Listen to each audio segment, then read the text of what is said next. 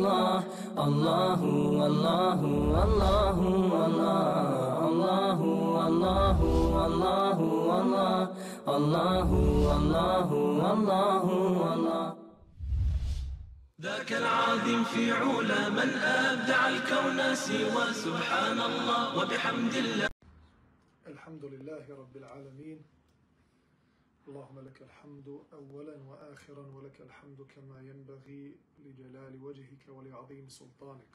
اللهم صل وسلم وبارك على محمد وعلى آله وصحبه أجمعين. اللهم علمنا ما ينفعنا وانفعنا بما علمتنا وزدنا علما يا كريم. I dalje smo u samom uvodu prelijepe knjige Rijadu Salihin koja govori o raznim temama o namjerama, o pokajanju, o ljudskim dijelima, o adabima, o dijelima srca. I imam Neovi, rahimahullahu ta'ala, je pažljivo birao hadise za koje je smatrao da će biti od koristi onima koji čitaju i traže znanje sa ovom Mubarek knjigom. Naredna predaja je od Zirra ibn Hubejša kazuje. Otišao sam Safanu ibn Asalu, radijallahu anhu, s namjerom da ga pitam o potiranju po mestvama. Kada sam došao kod njega, on me upita zbog čega si došao zirre. A ja mu odgovori iz želje za znanjem.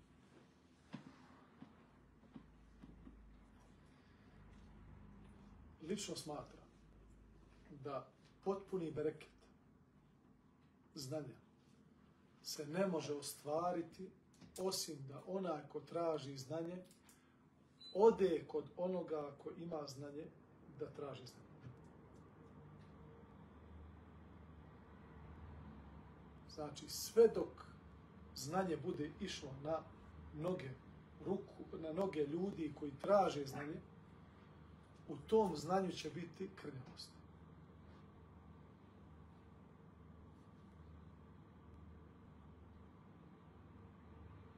Jer iz jednostavnog primjera da sve ono što dođe čovjeku lako, ne cijeni ga toliko. To je uopšteno za sve. I za znanje, i za diplome, i za postignuta postignuća kao čovjek koja čovjek u životu postigne. Za naslijeđeno, za kupljeno, za urađeno, za dunjaluk, za ahiret. Sve što čovjeku dođe na lahak način ne cijeni toliko, koliko cijeni ono što mu dođe na teži način.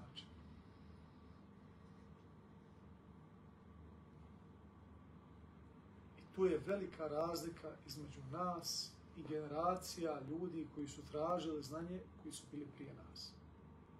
Jer su se oni mnogo više namučili kako bi nešto saznali i onda su to automatski više cijenili.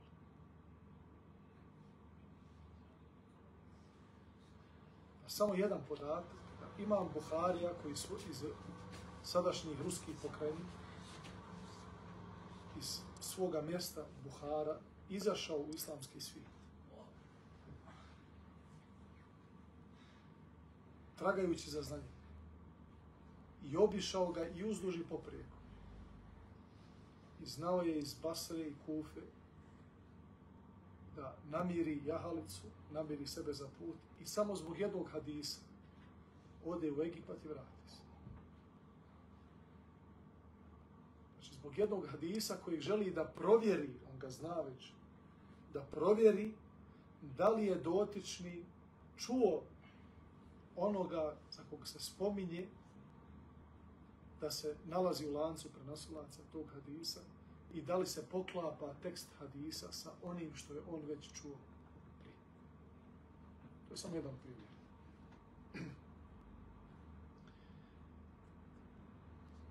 Znači, da bi se znanje u potpunosti cijenulo i da bi imalo svoj potpuni bereket i blagoslov, postoje adabi znanja.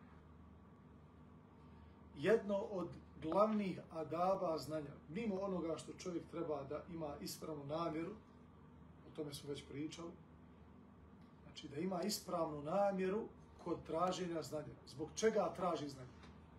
Šta mu je cilj? Šta je tebi cilj da, zbog čega ti želi da se, da se podučiš vjeru? Znači, moraš da se ispitaš. I moraš da imaš iskrenu namjeru, istančanu, jasnu, ko sunce u pobjela dana. I onda očekuj bereket, ali nije dovoljno. Jedno od primarnih adaba prema znanju je da se ide znanju na noge. I onda da se poštuje nosila znanja. Da dok se govori o znanju da se ne sjedi isproženih nogu, da se ne sjedi izvan halke, da se ne sjedi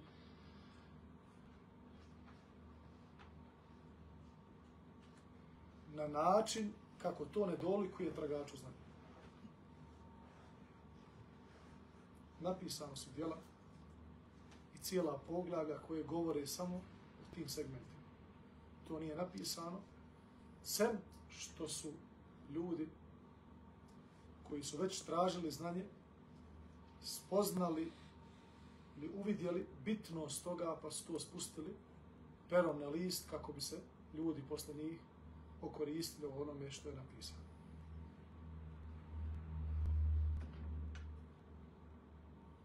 Kad mu je Safuan pitao ga zbog čega si došao ovoga zirra i on mu je rekao da je došao tražeći znanje, kada je to čuo Safuan, onda ga je ohrabrio jednim hadisom. Kaže, tada on reče, meleki svojim krilima nadkriljuju sticatelja znanja i zadovoljstva prema onome što on čini. Pa mu onda ovaj zir reče, kaže, e, interesovalo me potiranje, pitanje potiranja po mestvama poslije obavljanja velike i male nužde. A kako si ti jedan od vjerovjesnikovih, ali i salatu salama sahaba, došao sam da te upitam jesi li čuo da je poslanik sallallahu alaihi wa sallam govorio nešto o tome? On reče da. Znači, rekao nam je i naređivao nam je da kada smo na putovanju ne skidamo mestve, ili znači možemo da ostaju mestve na nogama, tri dana i tri noći. Izuzev ako se nađemo u stanju džunupluka. Ali nam je naredio da ih skidamo zbog, da ih ne skidamo, znači rekao je da, da, ne, da se ne moraju skidati, prilikom obavljanja male i velike nužde. Zatim je ovaj zir pitao, sljedeće pitanje.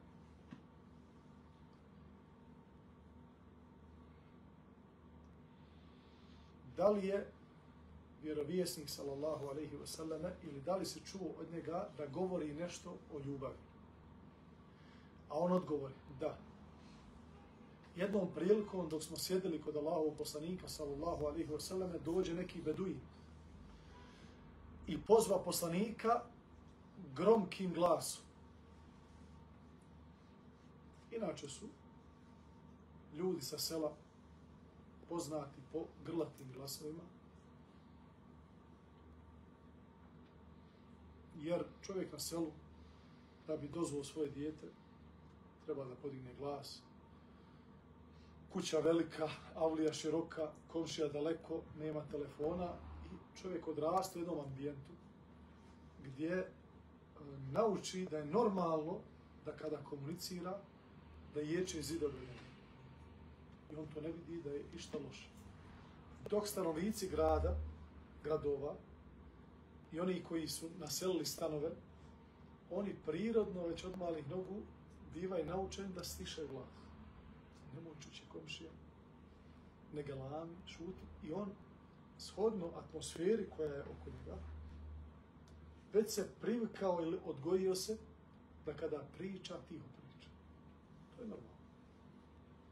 To je bilo prije i ostalo je tako. Pa su ashabi, radijallahu anhu, koji su živjeli u Medini, znači u gradu Allahu poslanika, ali salatu selam, koji je već poput neke se naseljavao i ljudi su bili u blizini jedni drugi. Kuća uz kuću. Isto kao i danas u stanovima. I već su naviknuti da spuštaju svoje glasove. Da. Druga stvar, Allah, Allah Đelešanu je naredio vjernicima da e, ne izražavaju se tako što glasno razgovaraju kada se obraćaju našem poslaniku, ali i salatu wasalam, kao što je došlo u suri Hođurat. Međutim, ovaj Beduin to nije znao. Pa su ashabi pohrlili da ga e, naruže, ali je Allah poslanik, ali i salatu wasalam, spriječio tome, to jest da nije reagovao, ne, nije reagovao na njegovo ponašanje, a kada su mu ashabi rekli utišaj svoj glas, on je rekao neću da utišam. Kaže, Allaha mi neću utišati glas. Pa je nastavio dalje i upitao. Kaže, šta će biti sa čovjekom koji voli ljude, ali svojim dijelima nije dostigao njihov stepen.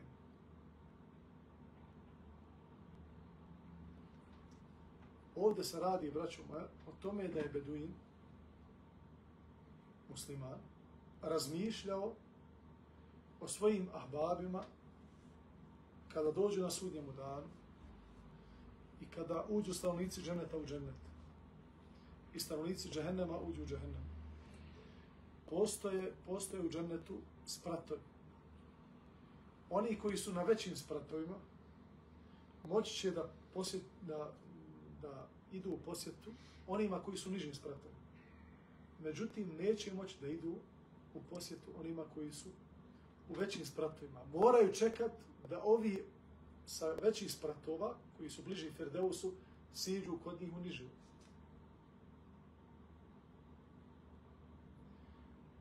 Pa je ovaj Beduin rekao, a šta će biti sa ljudima koji se vole međusobno, i volili bi da budu u džennetu stalno zajedno, ali nisu, znači, na istom stepenu. To je šta će biti s čovjekom, da li će onaj koji na nižem stepenu mora da čeka one koji su na većem stepenu. Pa je sallallahu alaihi wa sallam tada odgovorio. Čovjek će na sudnjemu danu biti sa onim koga voli.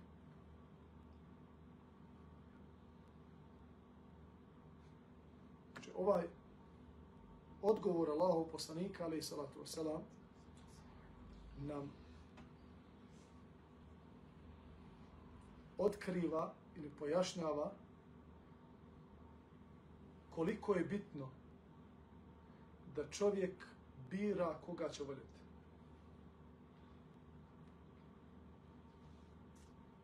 A znamo dobro da ljubav nije taster koji se pritisne na on ili off. Znači ne možeš birati šta? Koga ćeš voljeti na način da kažeš hoću ovoga da volim, ovoga neću da volim. Ali možeš da biraš postupke i društvo koje te okružuju. Jer ne možeš zavoliti nekoga koga ne poznaješ. I ne možeš zavoliti nekoga sa kim se ne družiš, s kim ne budeš. A u isto vrijeme,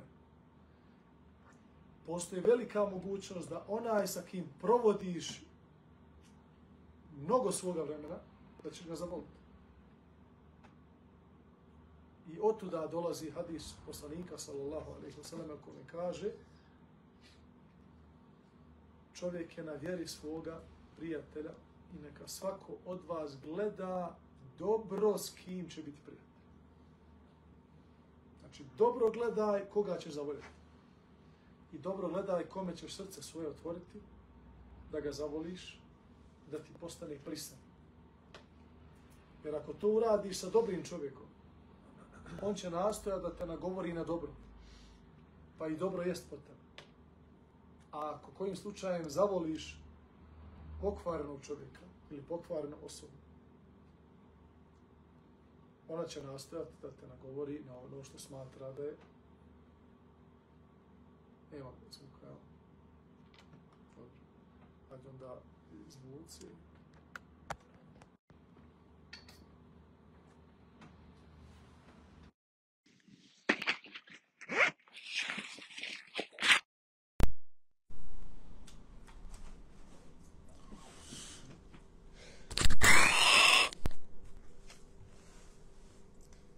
da te nagovori na nešto što je loše, pa ti izuvaj prema, te osobi, prema toj osobi, nećeš moći da je odbiješ i to će sigurno da utiče, da utiče na, na tvoju vjeru.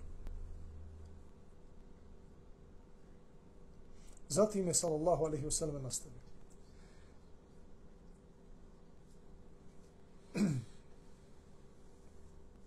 Ispomenuo vrata na zapadu i to da će konjanik po njihovoj širini putovati 40 ili 70 godina.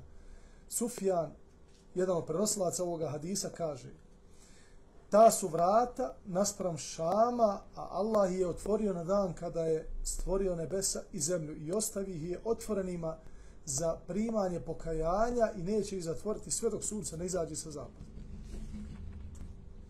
Ovo su, braćo moja, vrata Teube. Allahu poslanik, alaih salatu wasalam, je šta je uradio? Ovom beduinu i svim prisutnim, nakon što je taj beduin pitao Allahu poslanika o tome šta će biti s čovjekom koji nema toliko dobrih dijela, loši je od svojih baba, da li će moći da budu blizu jedni drugih u džemi? Pa mu je Allah, poslanik alaih salatu selam, dao ključeve uspjeha. Opisao mu je slikovito kolika su vrata te ubije od Allaha Đelešana.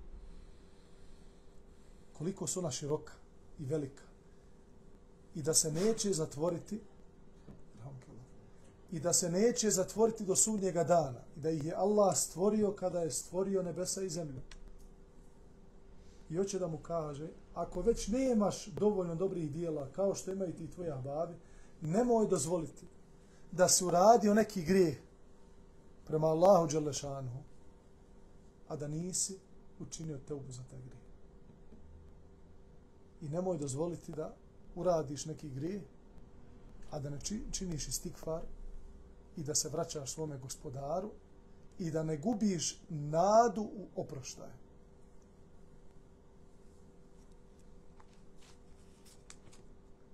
Od Ebu Sejda, Sa'ada ibn Malika ibn Sinana al-Hudrija radijallahu anhu prenosi se da je vjerovijesnik sallallahu alaihi wasallam rekao davno prije vas bio jedan čovjek koji je ubio 99 osoba. Sada nam dolazi dolazi nam hadis koji govori o pokajanju i namjeri. O pokajanju i o namjeri.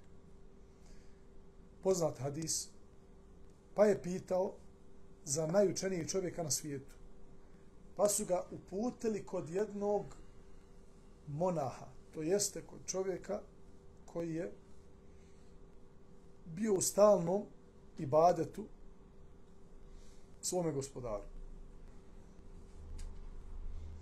Kada mu je došao ovaj čovjek ubica, znači 49 ljudi je ubio, i htio je da ga pita da li postoji pokajanje za njega. I kaza mu šta je uradio, i spomenu mu da li se meni, da li se meni može Allah Đelešanohu smilovati i da li ja mogu tražiti oprosta za ovaj grije. Monah mu odgovori da za njega nema spasa, da za njega nema oprosta, a čovjek se na to podiže i ubi monaha čime napuni stotinu ljudi. Znači, najvjerovatnije da je ovaj čovjek bio jako kratkog fitilja, i nije se obazirao na to hoće li nekoga ubiti neće. Znači, ako je ovoga čovjeka za koji ga smatrao da je u tom trenutku najučeniji čovjek pod nebeskom svodom, tako ga lahko ubio, ako je ovaj malo mu se sprostavio, ti 99 ljudi, kako je ubijeno, samo dragi Allah zna, ali sigurno na jedan lahak način i to je možda bilo dvije, tri reči, jedan protiv drugog, odmah glava sa sramena. Međutim, nakon što je sve to uradio ovoliki zločin, jednostavno je počeo da razmišlja da jednog dana se valja vratiti svome gospodaru, valja, valja leći u, u zemlju i polagati račun za svoje nedjela. Pa je tražio nekoga ko će ga uputiti ka nečemu što će mu doprinijeti, to jest što će ga dovesti do oprosta i do Allah, da te ubije Allahu Đelešanu. Zatim je ponovo pitao, nije odustao, ubio je sto tog čovjeka i ponovo je pitao da, da mu neko, znači, da odgovori, da ga uputi na nekoga koji ima znanje. I onda su ga uputili na jednog učenjaka. Učenjak na to reče, svakako da ima nade za tebe. A ko je taj ko može da te spriječi da se pokaješ? Međutim, dao mi jedan uvjet. Znači, nije ga ostavio, kažem ono, ajde ti otiđi, pokaj se, hoćeš nastaviti starim životom, nećeš to mene interesuje. Dao mu je alternativu. I to je jako bit, bitno, braću. Znači, danas je jako teško, to jeste velika je obaveza i emanet da ljudima rešavamo njihove životne probleme. I onaj ko se upušta da ljudima rešava njihove životne probleme, mora da bude spreman da pored šerijatskih odgovora da daje ljudima halal alternative na način da ako ti čovjek dođe i kaže a, ja radim tu i tu jel mi halal da radim tu i tu znači da ako mu kažeš ako je njegov posao zabranjen i ako ne smije da se njime bavi da mu dadneš halal alternativu i da mu pomogneš da nađe halal posao Ne samo da mu kažeš, jes to ti je haram i snađi se kako znaš. To nije ispravan odgovor. Jer ovaj učenjak je znao da ako ga ostavi, ko mu kaže, ok, pokaj se Allahu i nastavit ćemo kako ćeš nastaviti dalje. Postoji velika mogućnost da u onoj atmosferi u kojoj on živio i s onim društvom s kojim je on bio i u toj mahali u kojoj je odrasto, da ponovo posegne za tim za tim gnusnim grijehom ubijanjem ljudi. Zašto? Jer je sigurno živio u lošoj sredini. Među ljudima koji su bili također loši, međutim, njemu je sigurno Allah dao snagu, dao mu je hrabrost, pa niko od tih ljudi nije mogao njega da ubije, jer on bio prvi taj koji je koji ljude ubijao. kaže, idi u tu i tu zemlju, u njoj žive ljudi koji iskreno Allahu robuju. Pa im se i ti pridruži u, roboj, u robovanju njemu i ni pošto se ne vraćaju u svoju sredinu, jer je ona pokvarena. Ovako stoji u ome hadisu. Čovjek se uputi ka toj zemlji, ali negdje na pola puta ga zadesi smrt.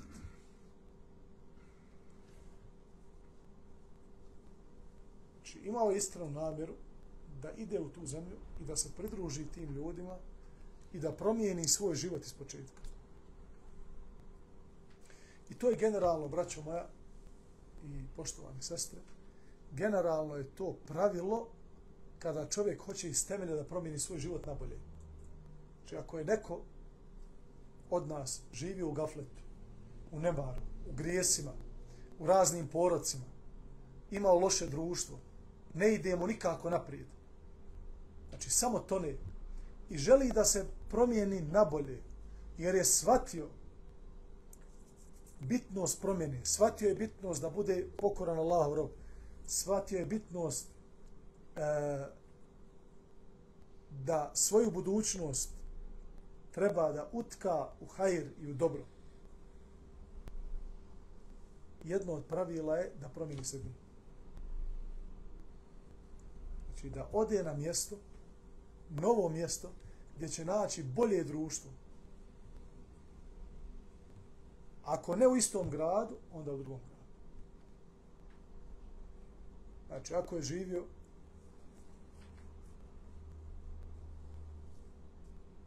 u jednom dijelu grada i tu je odrastao i tu mu je jako loše društvo. Ako će naći smiraj na drugom dijelu grada, u istom gradu, alhamdulillah. A ako se plaši za sebe, da će i tu doći njegovi stari jerani i da će ga ponovo vratiti na, na pogrešan put, najbolje da promijeni cijelu sredinu, to jest da iseli iz tog grada, ako ne, cijeli svoj život jedno vrijeme dok se ne ustabili i da ne promijeni svoj život, svoj način života u potpunosti i onda nakon nekoliko godina da se možda vrati ponovo u svoju sredinu kao novi čovjek koji je sebe promijenio na bolje.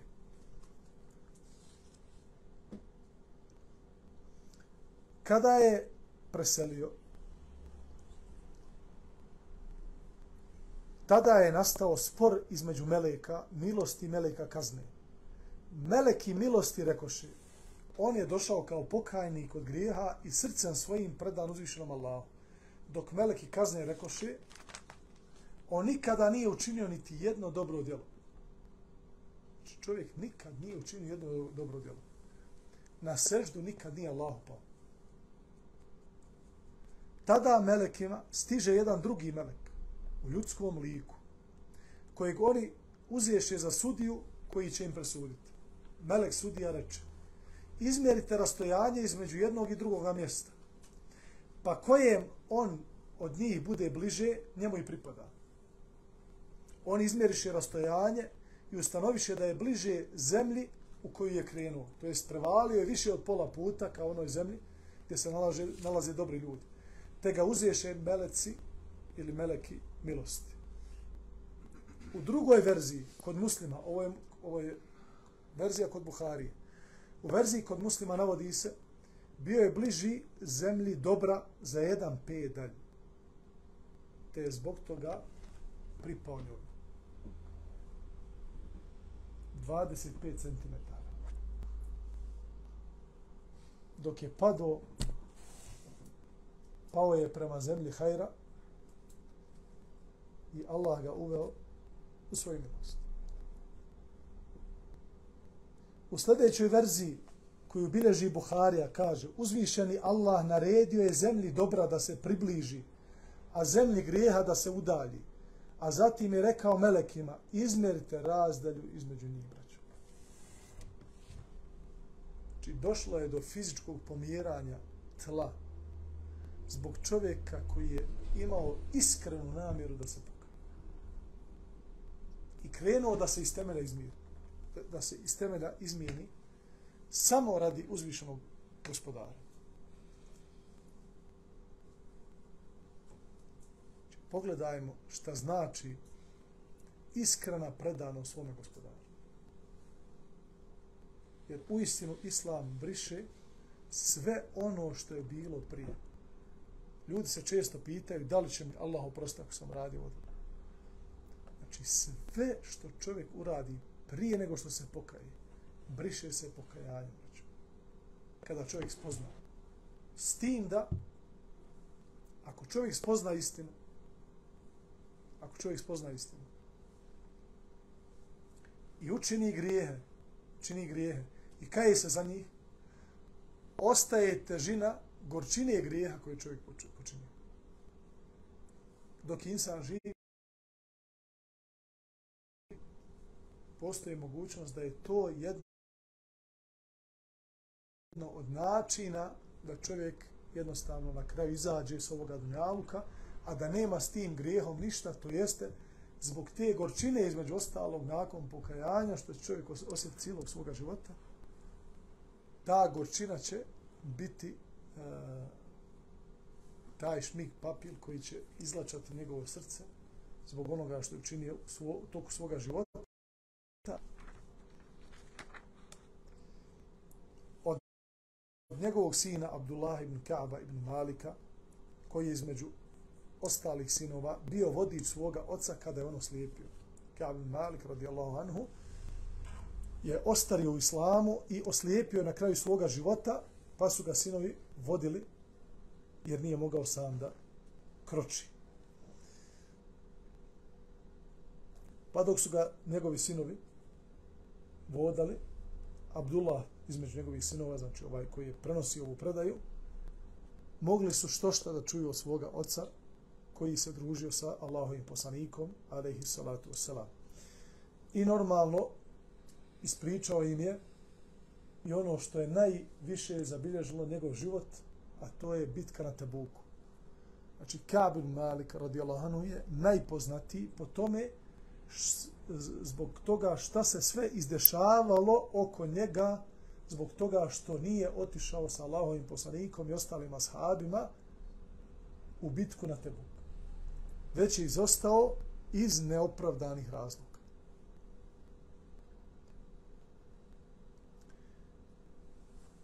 Kaže, nikada nisam propustio učestvovati u jednom pohodu sa Allahovim poslanikom, ali salatu selam, osim na Tebuk. Izuzetak je bitka na Bedru i za nju niko koji je izostao nije ukoren. Jer poslanik sallallahu alejhi ve selleme nije u osnovi imao namjeru da se bori na Bedru. Nego da uzme da uzme oduzme karavanu Sufjanu, Ebu Sufjanu, zbog toga što su tada mušrici u Mekki uzeli svu hranu, odjeću, potrebštinu, novac, zlato, sve uzeli od muslimana u Mekki iz njihovih kuća, kada su oni učinili hijđru. Pa je Allah poslanik alaih salatu selam zajedno sa sahabima htio da presretne karavanu Ebu Sufjana, da uzmu od njega tu karavanu kako bi na taj način vratili ono što im je bilo oduzeto u Mekke. Međutim, desila se bitka. Desila se bitka. Zbog toga, kogod nije učestvovao na bedru, nije ukoren, jer u osnovi to nije bio pohod.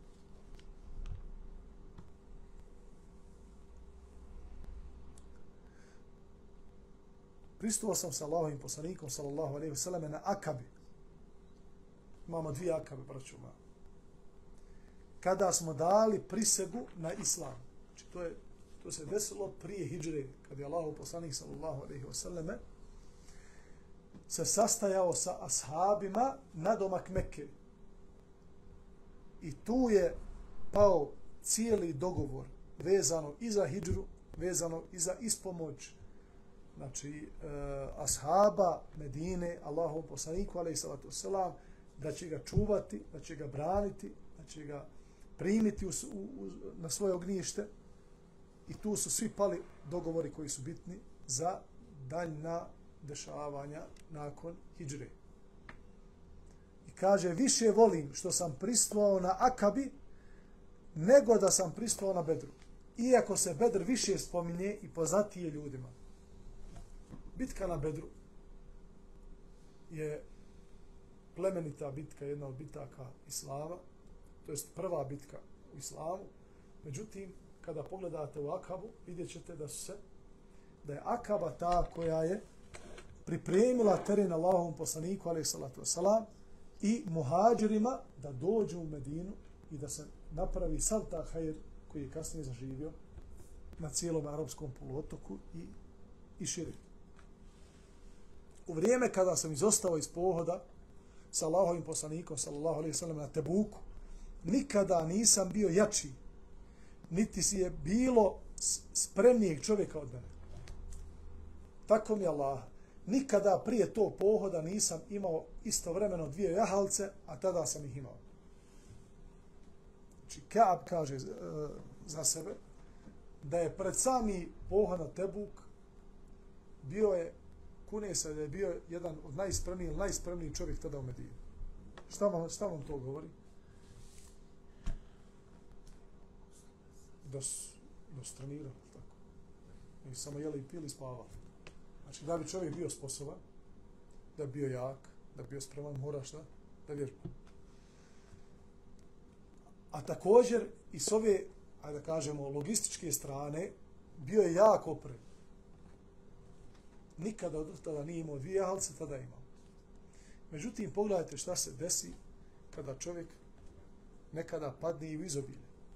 Znači, ne mora znači da ako imamo sve uslove za nešto, da ćemo s, tim idealnim uslovima ostvariti neki rezultat.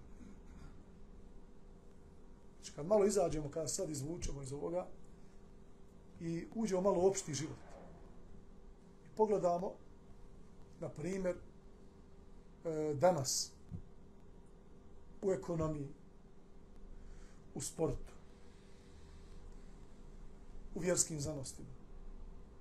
Kada uzmemo nekih, ajde da kažemo, po pet ljudi iz svake ove oblasti. Evo uzeli smo, onako sam samo rekao, ekonomija, sport i, i vjera. Uzmemo pet najuspješnijih ljudi danas iz ekonomije. Uzmemo pet najuspješnijih ljudi iz sporta. I uzmemo pet najuspješnijih ljudi iz islamskih znanosti. Uzet ćemo samo iz islamske znanosti. I pogledamo njihovu prošlost. Vidjet ćemo da apsolutno svi oni nisu imali idealne uslove i postigli su najbolje. I vidjet ćemo da oni ljudi koji su bili njihovi su narodnjaci, njihovo vremenu živjeli, imali mnogo bolje uslove da postignu ovo što su ovi postigli, nisu postigli.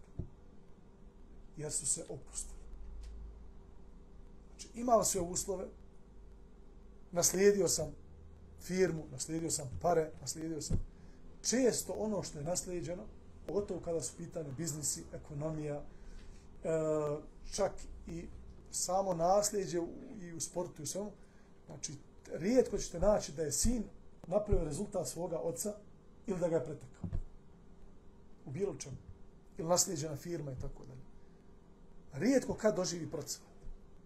Najveći rezultati se postižu kada iz nemogućeg, tako da kažemo, napraviš nešto i onda se potrudiš i doživiš u tome vrhunac.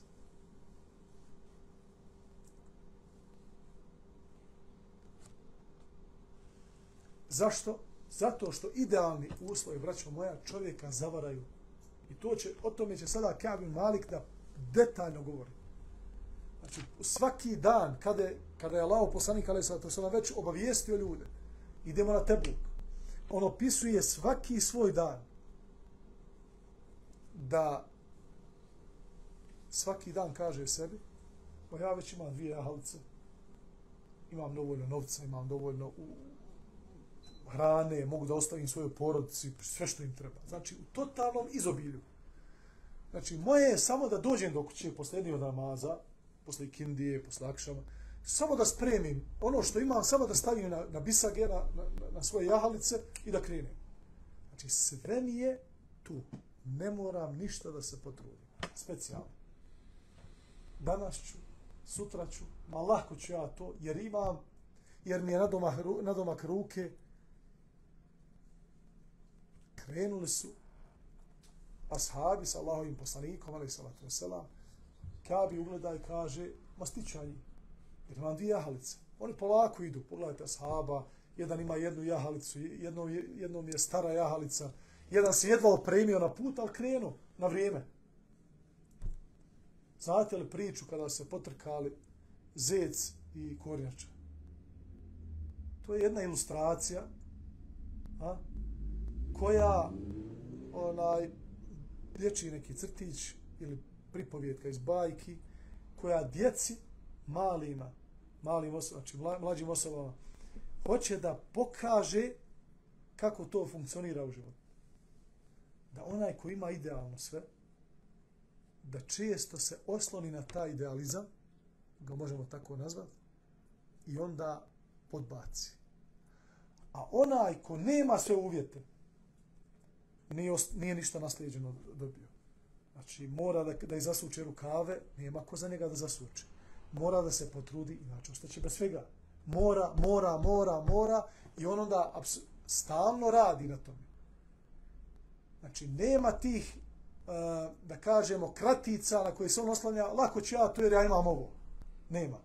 I onda konstantno radi i dođe do cilja prije onoga što ima idealne uslove, ko što je zec.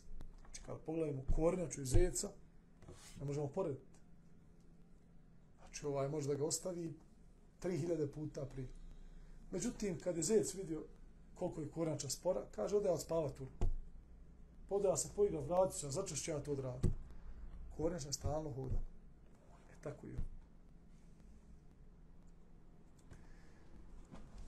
Kada su pošli, znači on se vratio kućima, kaže, sutra ću ja to. Sutra ću ja to, sutra ću ja to, sutra ću. To sutra, znate li koliko je ozbiljnih projekata, koliko je ozbiljnih stvari, koliko je progresivnih stvari, koliko je lijepih događaja e, propalo samo zbog toga što je neko od nas ili neko od ljudi rekao a ja što se sutra završiti. I nikad nije završio. Zamislite koliko ideja, koliko hejli stvari, e, koliko rodbinskih veza, poslova, e, nesklopljenih brakova i tako dalje i tako dalje se desilo samo zbog toga ajde, lako će ja to, sutra će ja to. Nikada. Nešto si od hajra za, znači za, zanijetio, fa idha azamta, fa ala Allah. Znači, nas Allah Đalešanhu uči da kaže kada nešto odlučiš, fe, ovo fe je vezano i za vremensku zonu. To jeste da ako nešto zanijetiš, odmah kreni u realizaciju istog. Nema ništa sutra. Odmah, fete okel, što znači fete okel Allah? Osloni se na Allaha, to jeste, počni sa činjenjem toga, a Allah će te pomoći. Počni sa činjem toga, a Allah će te pomoći. Uglavnom, ja sam sada skratio sve ove njegove pojedinosti kako on svaki dan vraćao se kući, a sutra ću ja to i tako. Međutim, i Allah poslanik alaih sallatu salam nije za njega pitao sve dok nisu stigli na Tebuk. Kad su stigli na Tebuk, spustile se jahalice, spustile se stvari sa konja, sa deva, kaže sallallahu alaihi wasallam, gdje je Kaab?